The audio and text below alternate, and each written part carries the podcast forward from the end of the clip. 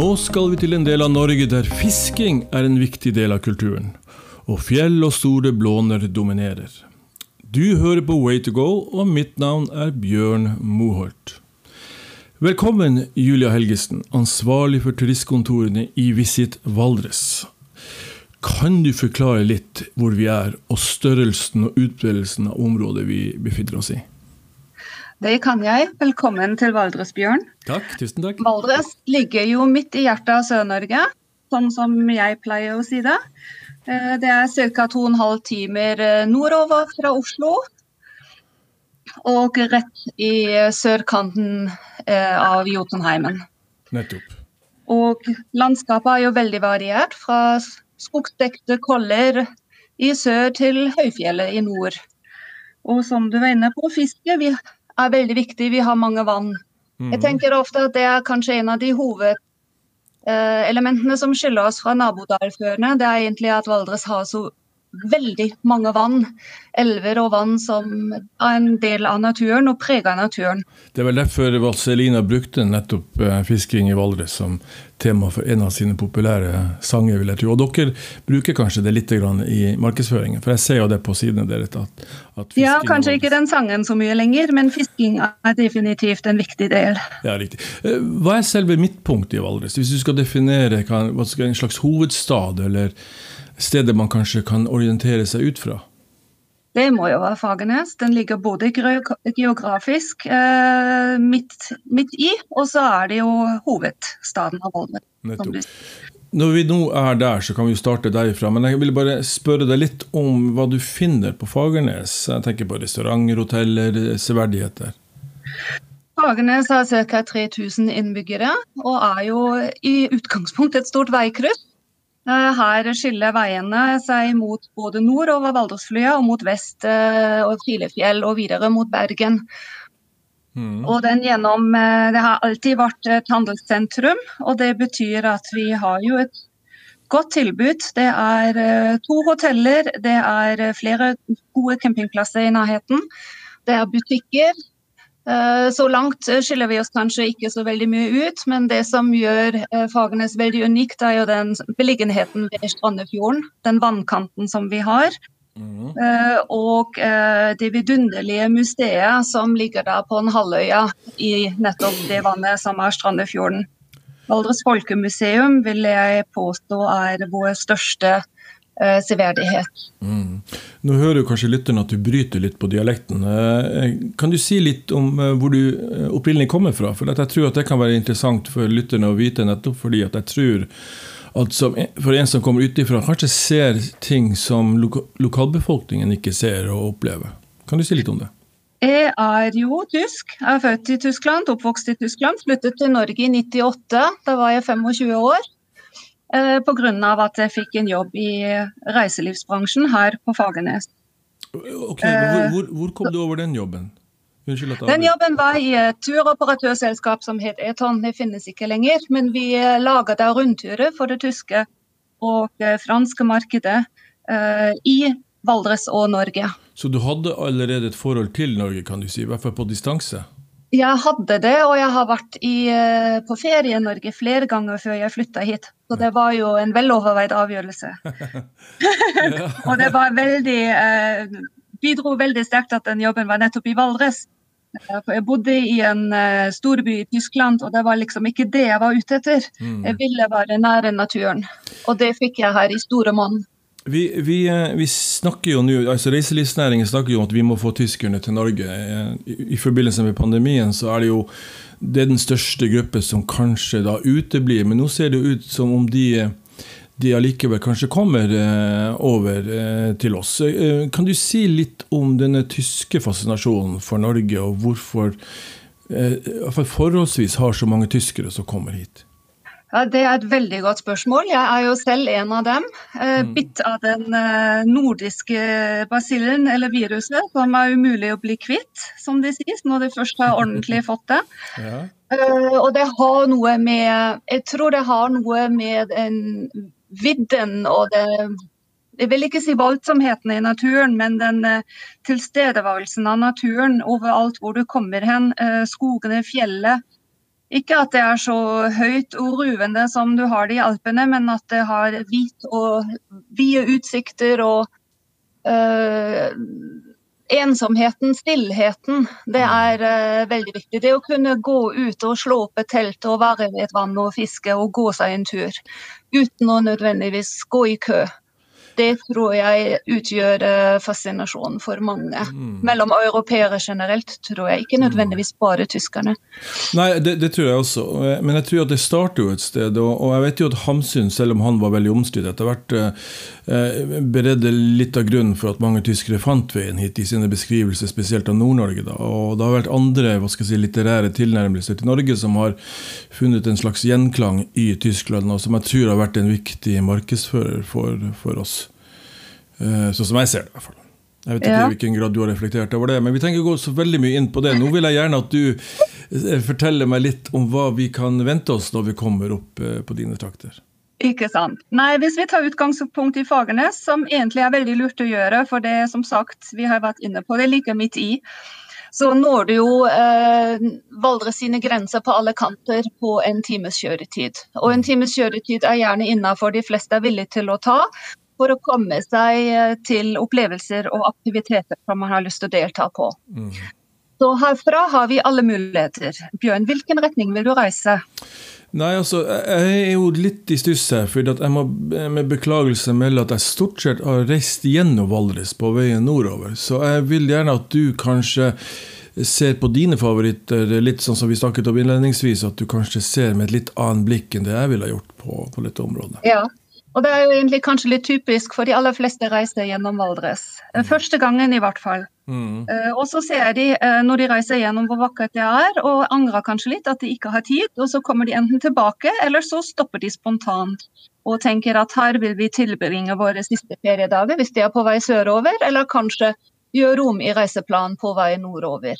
Mm.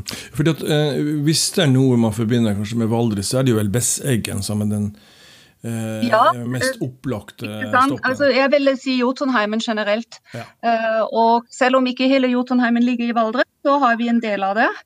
Og jeg ville påstå det er veldig lett tilgjengelig fra sør. Mm. Ikke bare at hovedmengden av besøkende kommer fra sør, naturlig nok, men at det er veldig godt tilrettelagt å komme seg inn i Jotunheimen fra sør. Hvis mm. vi reiser den veien over Valdresflyet, og opp til Jotunheimen fra Fagernes, så kommer vi jo først gjennom Beitostølen. Mm. Og på Beitostølen har man et rikt tilbud også av organiserte aktiviteter. Uh, da kan man tilbringe uh, som familie eller som litt mer ihuga aktivister, holdt jeg på å si, aktive turfolk, ja. kan man til, eh, tilbringe flere dager, opptil en uke, uten å nødvendigvis kjede seg. Jeg vil, vil si at Beite kanskje også er et bra hva skal jeg si, stoppunkt og et et, eller, hva skal jeg si, leirområde hvis du ønsker å utforske Valdres videre? Det er det definitivt. Beitostølen er vårt største turiststed, med det største tilbudet vi har av både organiserte aktiviteter og overnatting. Mm. Og herfra er jo Jotunheimen virkelig bare en steinkast unna. Mm. Eh, så vi har, og Når vi går tilbake til fiske, så er det jo utallige fiskemuligheter. Både i statsallmenningen og i vassdragene nede i dalen. Eh, det er vandremuligheter. Eh, kan kombineres med båtene som går på gjende og Bygdin. Mm. Eh, vi har 2000 meter topper som det går guidede turer til. Mm. Ikke bare Besseggen. Og vi har også en veldig kul via Ferrata i Sørveggen på Sundsson, som er ganske vertikalt og delvis overheng på. 400 høydemeter opp. Det er mm. veldig kult.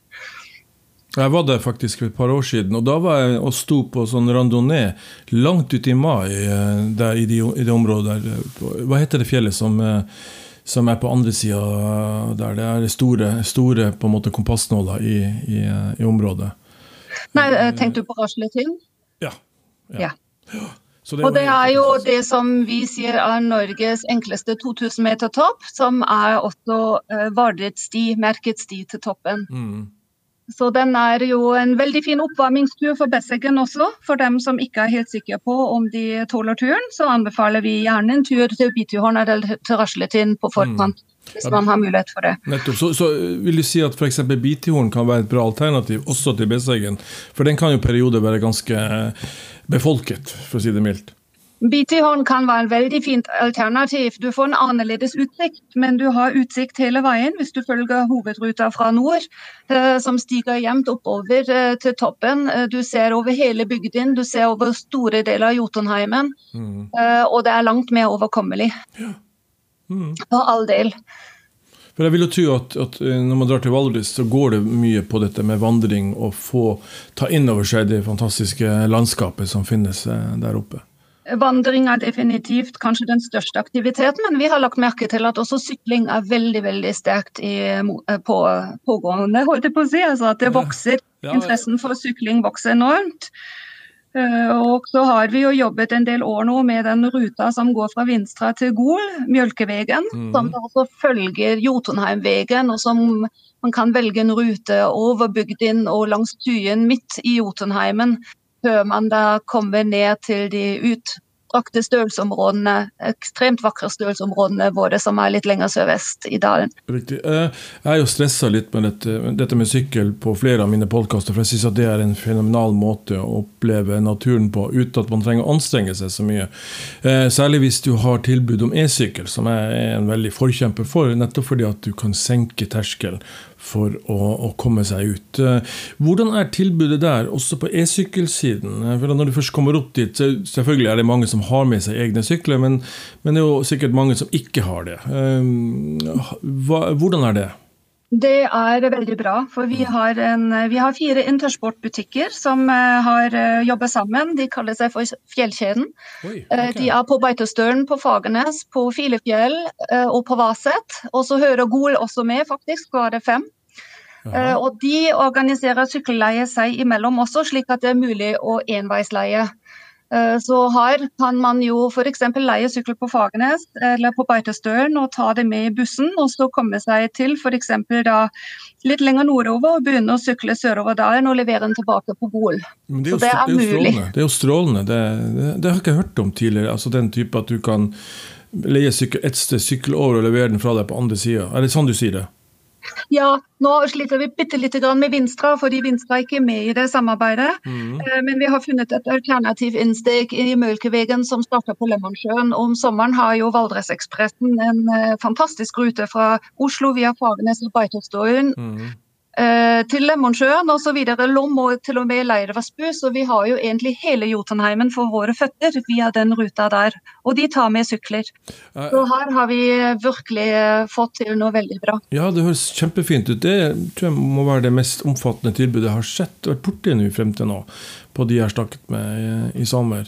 Eh, så det er jo strålende. Er det også e-sykler da inni dette her? Det er begge deler. Mm. Absolutt. Alt mm. etter hva kunden ønsker. Men vi ser jo at e-sykkelutleien, eller etterspørselen etter e-sykler, øker enormt. Og som du sier, så har jo det sine gode grunner. Mm. Eh, man får mye mer sykkelglede. Man trenger ikke å anstrenge seg fullt så mye. Etappene og bakkene blir veldig mye mer overkommelige, og man koser seg veldig mye mer på tur. Mm. Men fortsatt så legger man en fysisk innsats i som kroppen har godt av. Mm, nettopp. Um, liten sånn, eh, hva skal jeg si, negativ side ved dette her kan jo være belastninger på naturen. Eh, er det slik at disse sykkelrutene er merket, slik at man ikke i for stor grad belaster naturen? Eh, på disse Mjølkevegen går hovedsakelig eller i sin helhet på stølsveier. Oh ja, Så der er vi mm. ikke inne på sti i det hele tatt. Det er en kort etappe hvor det går på en kjerrevei, men eh, bortsett fra det så ødelegger vi ikke her i det hele tatt. Så langs Mjølkevegen er, eh, trenger vi ikke dele den bekymringen. Men det er klart, eh, med Beitostølen som utgangspunkt eh, Beitostølen jobber nå med et bærekraftig tilrettelagt terrengsykkeltilbud for nettopp å unngå at folk må sykle ute i naturen. Så her bygges det bærekraftige sykkelstier av ulik vanskelighetsgrad, downhill-løyper, pump tracks og også i fjellet, for å gi familier og ihuga terrengsyklister et godt tilbud. Kjempefint. Eh, strålende. Jeg har veldig tro på det. Skal vi reise videre? Vi kan reise videre, Bjørn. Tida går fort. Ja, det gjør det. Hyggelig lag.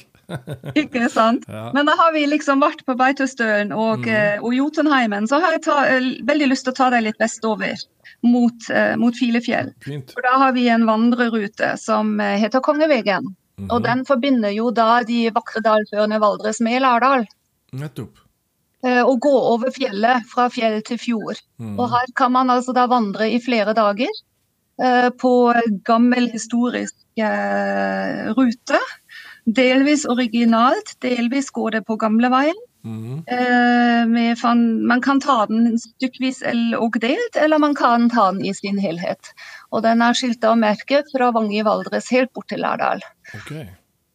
Og det er en, en eh, fysisk eh, mindre krevende tur enn Jotunheimen, som da har det historiske suset over. Eh, Hvordan er det med overnatting Unnskyld, underveis til over her? Er det, er det støler du overnatter på? Er det DNT sine hytter, eller må du, må du I mindre grad. Langs, langs Kongevegen er det fjellstuer og campingplasser og vandrehjem du bor på. Så du slipper å eventuelt å ta med deg telt? Ja, du slipper å ta med deg telt. Mm. Eh, Du kan gjøre det, men eh, da er det til, i utgangspunkt ikke tilrettelagt for det, for det mangler campingplass underveis i gåavstand. Så da er det faktisk bedre å benytte seg av de bedriftene som eh, er med i Kongevegen-nettverket. Ja, det høres veldig bra ut. Og jeg, og jeg tror det at det er eh, i det lange løpet en bedre måte å, å reise på enn å, enn å dra med seg telt. Det er selvfølgelig noen der ute, men det, jeg tror i hovedsak er det litt mer ekstreme. Jeg gjorde det selv i mange år. går men jo både Mjølkevegen og Kongevegen i innmark. Stor Mm. del. Det vil si det går gjennom stølsområder og eh, på gamle ferdselsårer hvor man på en måte ikke kommer seg fritt ut i fjellet. Skjønner. Og der er det generelt litt mindre hel, eh, ja, heldig og heldig, men det er ikke så lett rett og slett å finne gode campingplasser utenfor tilrettelagt overnattingstilbud. Så her gleder selvfølgelig eh, de, de overnattingsstedene som finnes seg veldig over besøk. Og eh, jeg tenker i disse tider er det kanskje ekstra viktig å støtte litt opp om nettopp disse. Mm. Det er et godt tips. Så da har vi, eh, og eh, så har vi jo eh, fra, fra Tyen og Eidsbugarden har vi jo igjen i Jotunheimen, denne gangen i sør. Mm. Vi har tilbud om guidede turer på Bre og til Falketind og Uranåstind. Og vi har òg en veldig kort vei ned til Øvre Årdal. Så her har vi noe av det villeste landskapet Sør-Norge har å tilby, veldig tett inntil hverandre. Mm. Og det er vel kanskje um, ja, dem som på en måte ønsker å oppleve fjell og fjord, uh, de har uh, et veldig godt utgangspunkt i Tyn-området. Mm. Høres veldig fint ut. Og igjen der kan man sykle òg. Du kan eh, en del en, en av de variantene av Mjølkevegen går langs Tyen. Mm. Uh, Og så på Kongevegen faktisk ned til, til Vang, før den da går opp og stiger. Stølsvidda. Og hvis vi, hvis vi sykler ut av den veien, Mm. så kommer vi jo da, etter å ha vært eh, oppe i, eh, i Eidsbugarden og Tyen, så kommer vi jo etter hvert på Stølsvidda. Mm. Eh, og den har jeg også lyst til å nevne, Bjørn. Fordi. Stølsvidda er jo det området i Norge med fortsatt mest aktive støler. Det er jo noe som er i ferd med å forsvinne. Si, Det er si, si færre og færre som fortsatt driver. Julia, si litt hva en, hva en eh, støl er. Som støl ikke er en seter. Mm. Støl er det Valdres-navnet for seter, og det er jo der rett og slett de beitemarkene til eh, gårdene i dalen som brukes om sommeren. Mm. Så I Valdres er det fortsatt mange eh, bønder som drar med kyrne og geitene sine til fjells om sommeren. For eh, gresset de gror, uh, fôret de gror på hovedgarden trengs til vinteren.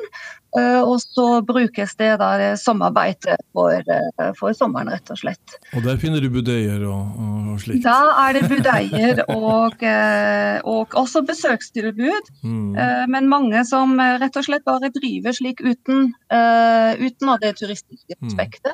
Eh, Rett og slett fordi eh, det både er eh, selvfølgelig veldig koselig, på Støren er det en helt annen tid som gjelder. Det er ikke noe klokke annet enn at kjønnet må melkes.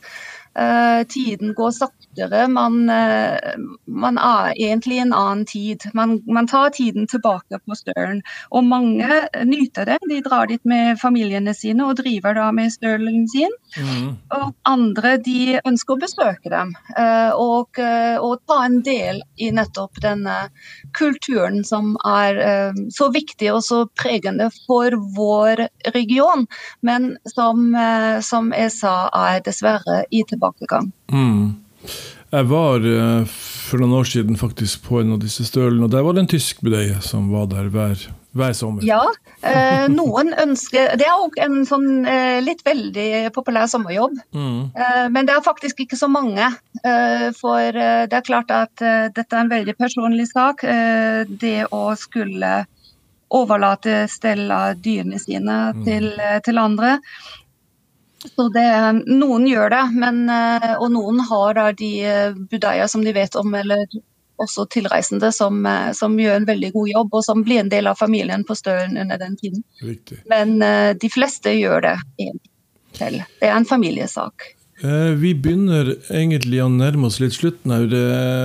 Vi, jeg skjønner at du har veldig mye på hjertet, og jeg vet at du innledningsvis var veldig nervøs for om du om du, kom om du kom til å huske på alt du skulle si. Så eh, jeg, jeg, tenker at eh, nå har du muligheten for å ta en liten oppsummering. Eh, vi har ikke vært inne på så mye dette med mat. Jeg vet at rakfisk og kurv og sånt i Valdres er, er, er store ting. Vi har ikke snakket om mat. Nei. Det har vi ikke. Og rakfisk og fisk og fiske hører jo sammen, ørreten. Ja. Um, men det jeg egentlig har aller mest lyst å kanskje framheve litt ekstra nå, det er jo egentlig nettopp aktivitetstilbudene våre. Mm. Uh, for vi har et utvalg av veldig, veldig kule aktiviteter. Mm. Har du hørt om SAP with a pop, Bjørn? En gang til. Si det en gang til. SAP with a pop. Nei. Altså SUP, det er jo standup-padling. Ja. Eh, og da tar du med deg en valp eller en, en hund eh, på turen som da ligger på standup-padelen din.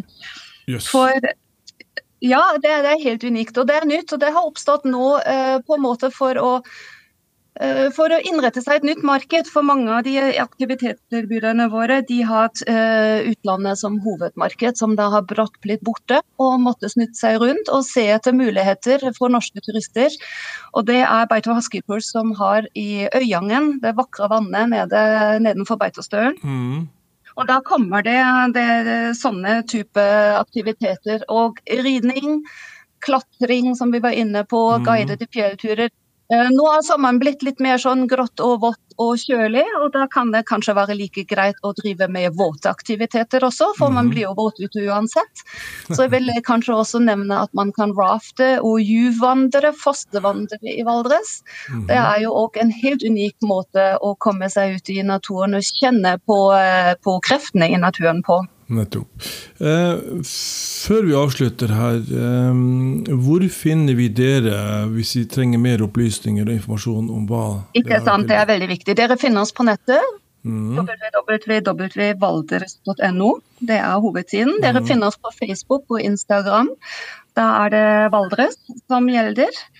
Uh, og dere finner oss på turistkontorene i Valdres, på Fagernes, på Beitostølen og på Filefjell. Supert, uh, Julia. Julia Helgesen, tusen takk for at du ville være med, og ha en eh, fortsatt god sommer. Tusen takk, Bjørn, og velkommen til alle som måtte finne veien hit.